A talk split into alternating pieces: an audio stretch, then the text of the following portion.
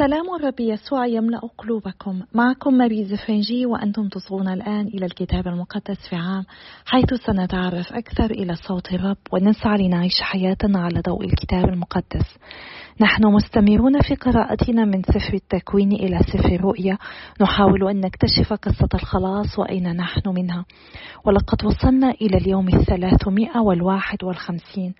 اليوم سنختم قراءتنا لرسالة القديس يعقوب سنقرأ الفصل الثالث والرابع والخامس وسنبدأ برسالة جديدة للقديس بولس رسالته إلى أهل قولسي الفصلين الأول والثاني. وسنتابع قراءتنا لسفر الأمثال الفصل الثلاثين بقراءتنا الآيات السابعة والثامنة والتاسعة.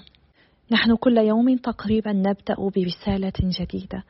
ونحن نستمر قدما في هذه المسيرة بقراءة كل هذه الرسائل التي تعلمنا الكثير. فلنبدأ بصلاتنا المعتادة ولنطلب من الرب أن يفتح أذهاننا حتى تغيرنا كلمته ونطبقها. بسم الآب والابن والروح القدس إله واحد آمين. أيها الرب القدوس الذي لا يموت قدس أفكارنا ونقي ضمائرنا. فنسبحك تسبيحا نقيا ونصغي إلى كتبك المقدسة. لك المجد إلى الأبد آمين. بسم الآب والابن والروح القدس الإله الواحد آمين. رسالة القديس يعقوب. الفصل الثالث. بلية الإنسان من اللسان. لا يكثرن فيكم يا إخوتي عدد العلماء فأنتم تعلمون أننا سنلقى في ذلك أشد دينونة.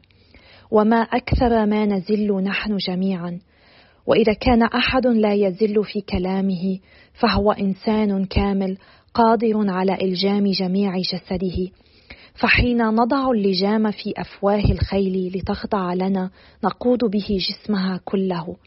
وانظروا أيضا إلى السفن فإنها على ضخامتها وشدة الرياح التي تدفعها تقودها دفة صغيرة إلى حيث يشاء الربان. وهكذا اللسان فإنه عضو صغير ومن شأنه أن يفاخر بالأشياء العظيمة. انظروا ما أصغر النار التي تحرق غابة كبيرة. واللسان نار أيضا وعالم الإثم. اللسان بين أعضائنا يدنس الجسم كله ويحرق الطبيعة في سيرها ويحترق هو بنار جهنم. تقهر الوحوش والطيور والزحافات والحيوانات البحرية على اختلاف أجناسها والنوع الإنساني هو الذي يقهرها. وأما اللسان فلا يستطيع أحد من الناس أن يقهره. إنه بلية لا تضبط ملؤه سم قاتل. به نبارك الرب الآب وبه نلعن الناس المخلوقين على صورة الله. من فم واحد تخرج البركة واللعنة. فيجب يا إخوتي ألا يكون الأمر كذلك. أيفيض الينبوع بالعذب والمر من مجرى واحد؟ أم يمكن يا إخوتي أن تثمر التينة زيتونا أو الكرمة تينا؟ إن الينبوع المالح لا يخرج الماء العذب. الحكمة الصادقة والحكمة الكاذبة. أفيكم أحد ذو حكمة ودراية؟ فليظهر بحسن سيرته أن أعماله تصنع بوداعة تأتي من الحكمة. أما إذا كان في قلوبكم مرارة الحسد والمنازعة فلا تفتخروا ولا تكذبوا على الحق. فمثل هذه الحكمة لا تنزل من علو وإنما هي حكمة دنيوية بشرية شيطانية. فحيثما يكون الحسد والمنازعة يكون الاضطراب ومختلف أعمال السوء. وأما الحكمة التي تنزل من علو فهي طاهرة أولا ثم مسالمة حليمة سمح ملؤها رحمة وثمار صالحة لا محاباة فيها ولا رياء. ثمرة البر تزرع في السلام للذين يعملون للسلام. الفصل الرابع دفع المخاصمات من أين تأتي المخاصمات والمعارك بينكم؟ أما تأتي من أهوائكم التي تعترك في أعضائكم؟ تشتهون ولا تنالون، تقتلون وتحسدون، ولا تستطيعون الحصول على ما تريدون، فتخاصمون وتعتركون. لا تنالون لأنكم لا تسألون، تسألون ولا تنالون لأنكم لا تحسنون السؤال لرغبتكم في الإنفاق على أهوائكم. أيتها الزواني ألا تعلمون أن صداقة العالم عداوة الله؟ فمن أراد أن يكون صديق العالم أقام نفسه عدو الله أم تحسبون أن الكتاب يقول عبثا إن الله يشتاق شوق الغيرة إلى الروح الذي أسكنه فينا بل هو يجود بنعمة أعظم. فإن الكتاب يقول إن الله يكابر المتكبرين وينعم على المتواضعين. فاخضعوا لله وقاوموا إبليس يولي عنكم هاربا. اقتربوا من الله يقترب منكم. طهروا أيديكم أيها الخاطئون ونقوا قلوبكم يا ذوي النفسين. اندبوا شقاءكم واحزنوا وابكوا. لينقلب ضحككم حزنا وفرحكم غما. تواضعوا بين يدي ربكم فيرفعكم.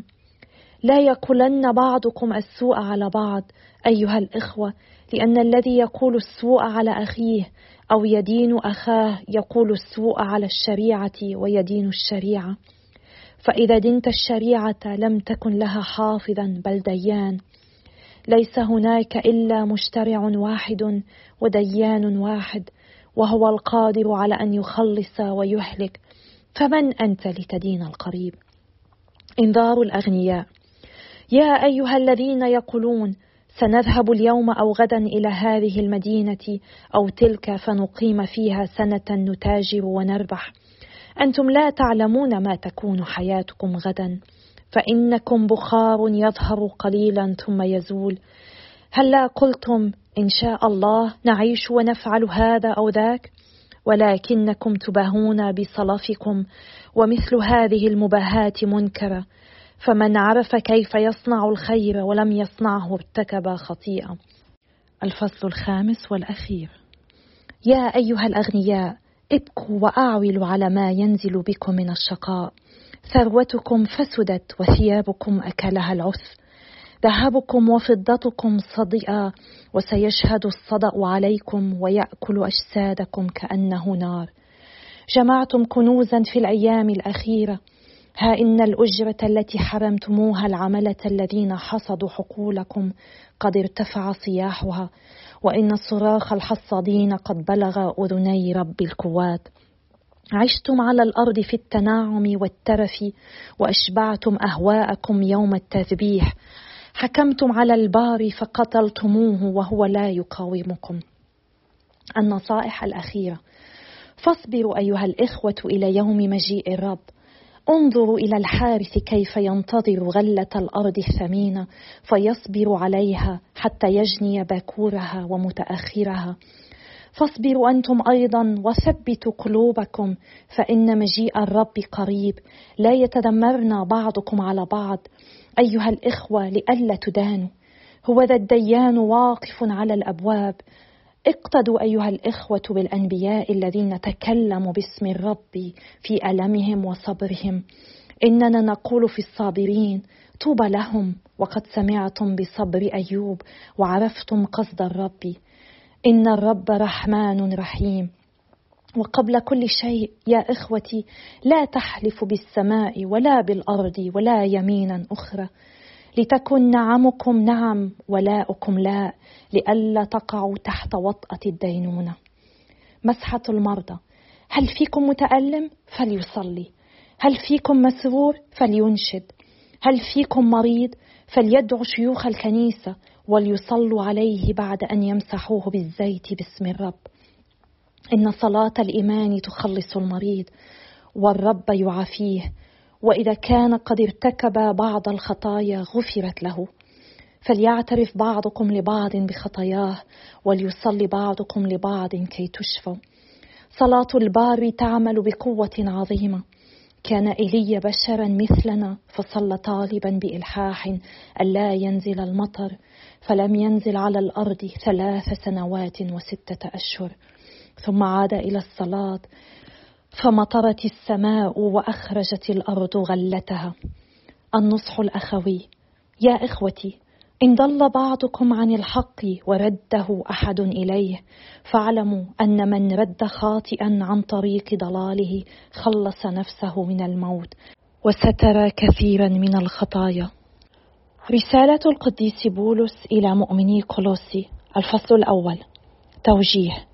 من بولس رسول المسيح يسوع بمشيئة الله ومن الأخ تيموتاوس إلى القديسين الذين في قولوسي الإخوة المؤمنين في المسيح. عليكم النعمة والسلام من لدن الله أبينا. شكر ودعاء.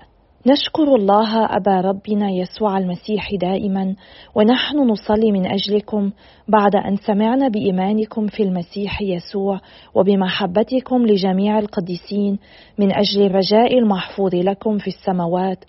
فقد سمعتم بهذا الرجاء في كلمة الحق أي في البشارة التي وصلت إليكم وكما أنها تثمر وتنتشر في العالم أجمع. فهي كذلك تثمر وتنتشر فيما بينكم. مذ سمعتم بنعمة الله وعرفتموها حق المعرفة كما تعلمتم من أبا فارس صاحبنا الحبيب في العمل والخادم الأمين للمسيح من أجلكم. فقد أخبرنا بما أنتم عليه من المحبة في الروح. لذلك نحن أيضا منذ اليوم الذي سمعنا فيه ذلك لا نكف عن الصلاة من أجلكم ونسأله تعالى أن تمتلئ من معرفة مشيئته في كل شيء من الحكمة والإدراك الروحي لتسير سيرة جديرة بالرب ترضيه كل الرضا وتثمر كل عمل صالح وتنمو في معرفة الله. متقوين كل قوة بقدرته العزيزة على الثبات التام والصبر الجميل. وتشكر الآب فرحين لأنه جعلكم أهلا لأن تشاطروا القديسين ميراثهم في النور. فهو الذي نجانا من سلطان الظلمات ونقلنا إلى ملكوت ابن محبته فكان لنا فيه الفداء وغفران الخطايا. أولوية المسيح. هو صورة الله الذي لا يرى وبكر كل خليقة ففيه خلق كل شيء مما في السماوات ومما في الأرض ما يرى وما لا يرى أأصحاب عرش كانوا أم سيادة أم رئاسة أم سلطان كل شيء خلق به وله هو قبل كل شيء وبه قوام كل شيء وهو رأس الجسد أي رأس الكنيسة هو البدء والبكر من بين الأموات لتكون له الأولوية في كل شيء. فقد حسن لدى الله أن يحل به الكمال كله وأن يصالح به ومن أجله كل موجود مما في الأرض ومما في السماوات وقد حقق السلام بدم صليبه. اشتراك أهل قولس في الخلاص. وأنتم الذين كانوا بالأمس غرباء وأعداء في صميم قلوبهم بالأعمال السيئة قد صالحكم الله الآن في جسد ابنه البشري. صالحكم بموته ليجعلكم في حضرته قدسين لا ينالكم عيب ولا لوم. ذلك إذا ثبتتم على الإيمان راسخين غير متزعزعين ولا متحولين عن رجاء البشارة التي سمعتموها. وأعلنت لكل خليقة تحت السماء. وصرت أنا بولس خادما لها. مساعي بولس في سبيل الوثنيين. يسرني الآن ما أعاني لأجلكم فأتم في جسدي ما نقص من شدائد المسيح في سبيل جسده الذي هو الكنيسة لأني صرت خادما لها بحسب التدبير الإلهي الذي وكل إلي من أجلكم وهو أن أتم التبشير بكلمة الله بذلك السر الذي ظل مكتوما طوال الدهور والأجيال وكشف اليوم لقديسيه. فقد أراد الله أن يعلمهم أي غنى هو غنى مجد ذلك السر عند الوثنيين أي أن المسيح فيكم وهو رجاء المجد. به نبشر فنعظ كل إنسان ونعلم كل إنسان بكل حكمة لنجعل كل إنسان كاملا في المسيح. ولأجل ذلك أتعب وأجاهد بفضل قدرته التي تعمل في عملا قويا. الفصل الثاني. إني أريد أن تعلموا أي جهاد أجاهد من أجلكم ومن أجل الذين هم في اللاذقية ومن أجل سائر الذين لم يروني بعيونهم كيف تتشدد قلوبهم وتتوثق أواصر المحبة بينهم؟ فيبلغ من الإدراك التام أعظم مبلغ يمكنهم من معرفة سر الله أعني المسيح.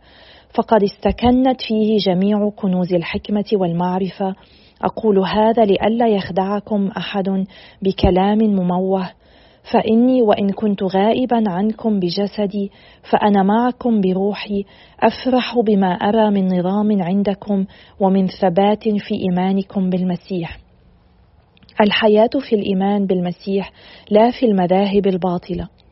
فكما تقبلتم الرب يسوع المسيح سيروا فيه متأصلين فيه ومتأسسين عليه ومعتمدين على الإيمان الذي تلقيتموه وفائضين شكرا. إياكم أن يأسركم أحد بالفلسفة بذلك الخداع الباطل القائم على سنة الناس وأركان العالم لا على المسيح. المسيح وحده رأس البشر والملائكة. ففيه يحل جميع كمال الألوهية حلولا جسديا وفيه تكونون كاملين إنه رأس كل صاحب رئاسة وسلطان. وفيه ختنتم ختانا لم يكن فعل الأيدي بل بخلع الجسد البشري وهو ختان المسيح. ذلك أنكم دفنتم معه بالمعمودية وبها أيضا أقمتم معه لأنكم آمنتم بقدرة الله الذي أقامه من بين الأموات. كنتم امواتا أنتم أيضا بزلاتكم وقلف أجسادكم. فأحياكم الله معه وصفح لنا عن جميع زلاتنا ومحى ما كان علينا من صق وما فيه من أحكام وأزال هذا الحاجز مسمرا إياه على الصليب وخلع أصحاب الرئاسة والسلطان وشهرهم فسار بهم في ركبه ظافرا مقاومة الزهد المعتمد على أركان العالم فلا يحكمن عليكم أحد في المأكول والمشروب أو في الأعياد والأهلة والسبوت فما هذه إلا ظل الأمور المستقبلة. أما الحقيقة فهي جسد المسيح ولا يحرمنكم أحد إياها رغبة منه في التخشع وفي التعبد للملائكة فهو ينعم النظر فيما يراه وذهنه البشري يجعله ينتفخ من الكبرياء بأوهامه. غير متمسك بالرأس الذي به الجسد كله بما فيه من أوصال ومفاصل يلتحم بها ينمو النمو الذي يأتيه من الله. الاتحاد بالمسيح السماوي الذي هو مبدأ الحياة الجديدة. فأما وقد متم مع المسيح عن أركان العالم فما بالكم كما لو كنتم عائشين في العالم تخضعون لمثل هذه النواهي لا تأخذ لا تذق لا تمس وتلك الأشياء كلها تؤول بالاستعمال إلى الزوال. إنها وصايا ومذاهب بشرية لها ظاهر الحكمة لما فيها من نفل وتخشع وتقشف ولكن لا قيمة لها لأنها غير صالحة إلا لإرضاء الهوى البشري. سفر الأمثال الفصل الثلاثون من الآية السابعة حتى الآية التاسعة. شيئين سألتك فلا تمنعني إياهما قبل أن أموت. أبعد عني الباطل وكلام الكذب. لا تعطني الفقر ولا الغنى بل ارزقني من الطعام ما يكفيني. لئلا أشبع فاشحد وأقول من الرب؟ أو أفتقر فأسرق وأعتدي على اسم إلهي. أيها الآب السماوي إننا نسبحك ونشكرك. نشكرك يا رب على عطاياك التي لا حدود لها. يا لها من عطية هذا اليوم الذي به نستمر بالإصغاء لكلمتك. نصغي إلى القديس يعقوب وإلى القديس بولس في رسالته إلى أهل قلصي ونصغي إلى حكمتك في سفر الأمثال. نشكرك على كل ذلك يا رب. نشكرك يا رب لأنك تسير معنا. كل حياتنا ليس فقط هذه المسيرة مع الكتاب المقدس في عام. أنت لا تتخلى عنا ابدا. أنت دائما ترافقنا. دائما حاضر معنا. ترغب بأن نقترب منك أكثر فأكثر. فتغمرنا بحبك. نطلب منك في هذه اللحظة يا رب أن تجدد ثقتنا بك. أن تذكرنا أنك معنا في كل لحظة وخاصة هذه اللحظة وأنت أقرب إلينا مما نحن لأنفسنا. ونشكرك على ذلك يا رب ونطلب منك أن تعطينا النعمة كي نتعرف عليك دائما كي نتذكر أنك معنا. كي نثق بك ونتذكر أنك دائما حاضر تفعل المستحيل كي تجذبنا إليك. ونشكرك على ذلك يا رب. لا تدعنا ابدا نغفل عن ذلك يا رب. باسم ربي يسوع نصلي آمين. بسم الآب والابن والروح القدس الإله الواحد آمين. ما قرأناه من سفر الأمثال اليوم يحذرنا أن امتلاك الكثير من الأموال يمكن أن يكون خطرا وكذلك أيضا قلتها. فالفقر قد يكون خطرا على الصحة الروحية كما على الصحة الجسدية. وعلى الجانب الآخر فإن الغنى ليس هو الحل. وكما قال الرب يسوع إنه من العسير على الأغنياء الدخول إلى ملكوت الله. ونستطيع أن نتعلم كما تعلم الرسول بولس كيف نعيش في العوز كما في الوفرة. علينا أن نفهم أن الغنى يمكن أن يجعلنا نعتمد على أنفسنا أكثر من اعتمادنا على الرب كما أن الفقر يمكن أن يشكل خطرا إذ أنه قد يؤدي بنا إلى السرقة وتلطيخ اسم الرب بالعار.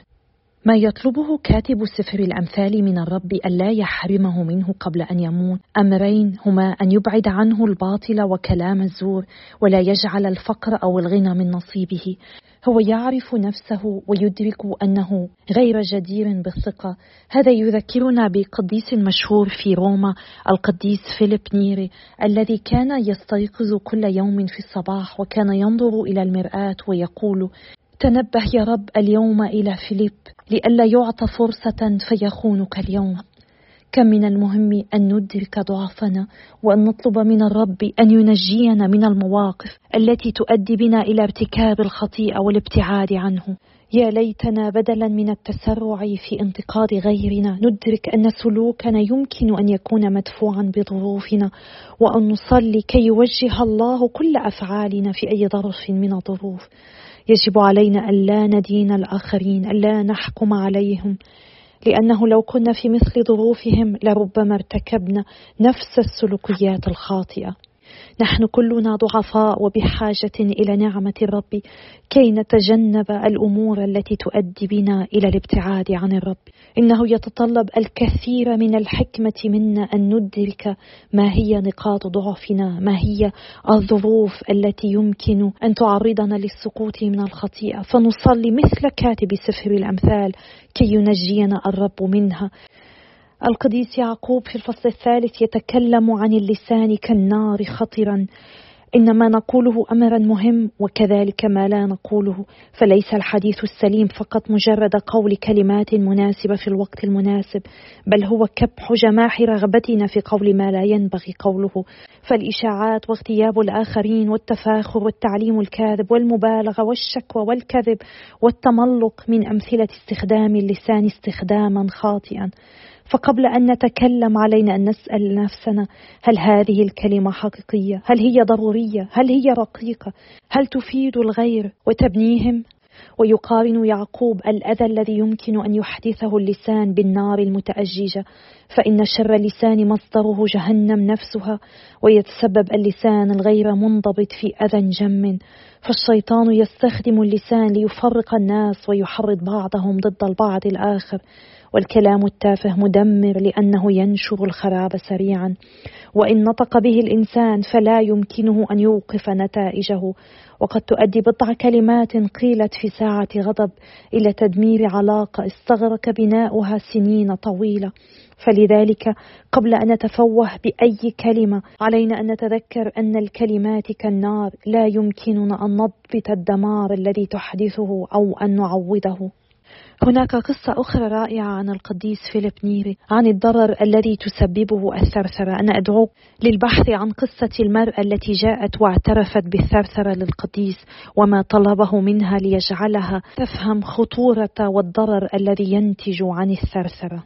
نقرأ في الآيتين السابعة والثامنة من الفصل الرابع. كونوا خاضعين لله وقاوموا إبليس فيهرب منكم.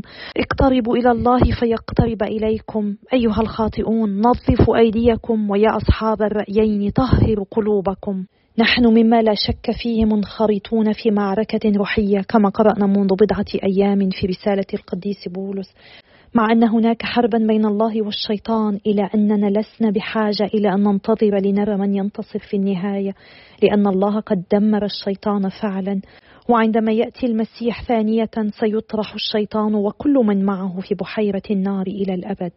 أما الآن فالشيطان ما يزال في العالم يحاول أن يكسبنا لصفه إلى جهة الشر لكن يمكننا بالروح القدس في حياتنا أن نقاوم إبليس فيهرب منا. نحن علينا أن نختار مع أي طرف نحن. لا يمكننا أن نكون مع الاثنين. وعلينا أن نقرر أن نخدم الرب بأيد نظيفة وقلوب طاهرة. يعقوب هنا يقدم لنا خمسة اقتراحات كيف يمكن أن نقترب إلى الله.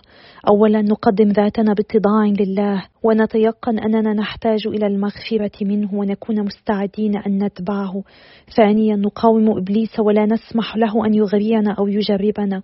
ثالثا ننظف أيدينا ونغتسل من الخطيئة ونضع مكانها طهارة الله. رابعا نكتئب وننوح ونبكي. نحزن على خطايانا بدموع وندم وأسف حقيقي. ولا نخاف أن نعبر عن حزننا القلبي العميق على خطايانا.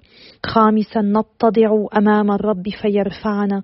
ونتأكد من ضآلتنا وحقارتنا أمامه. والمقصود بالاتضاع هنا أن نعرف أن قيمتنا مستمدة من الله وحده فلسنا نستحق نعمته لكنه يبسط إلينا محبته ويهبنا القيمة والكرامة برغم نقائصنا كبشر.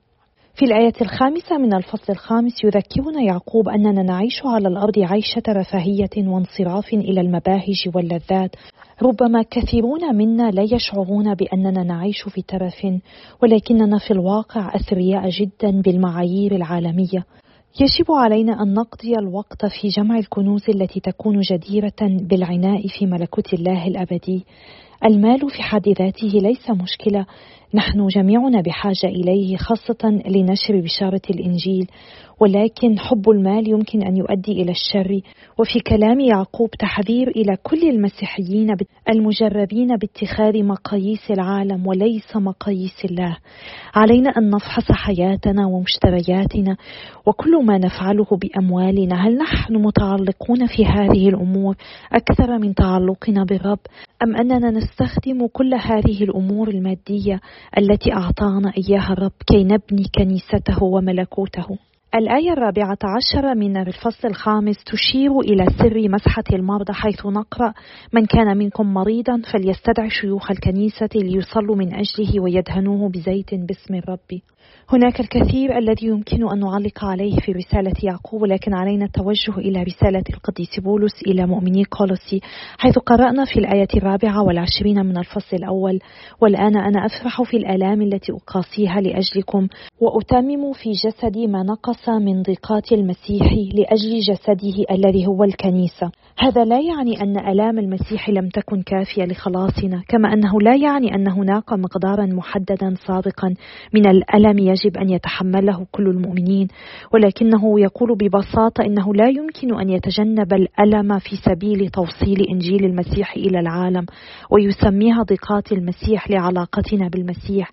فعندما نتألم يتألم المسيح معنا ولكنه ألم يمكن أن نحتمله بفرح لأنه يغير حياة الناس ويأتي بهم إلى ملكوت الله. ويوضح القديس العظيم البابا يوحنا بولس الثاني أنه لا يوجد شيء ناقص في ألام المسيح ولكن عندما نتمكن من المشاركة في عمل المسيح الفدائي في هذا العالم فإن المسيح يمد لنا جزءا من صليبه لنحمله معه مما يسمح لنا بالمشاركة في عمله الفدائي. إنه حقا لشرف وامتياز أن نقدم آلامنا ومعاناتنا إلى الله بهذه الطريقة وأن نشركها مع آلام المسيح. يا ليتنا دائما نصلي صلاة كهذه. يا رب أنت استعمل هذا الألم هذه المعاناة لخلاص العالم لأجل مجدك ولأجل اهتداء الناس إلى ملكوتك. هذه صلاتنا اليوم وصلاتي لأجل كل واحد منا. وأطلب منكم أن تصلوا لأجلي وأتشكركم على صلواتكم وتشجيعاتكم. وإلى اللقاء غدا يوم آخر بإذن الله.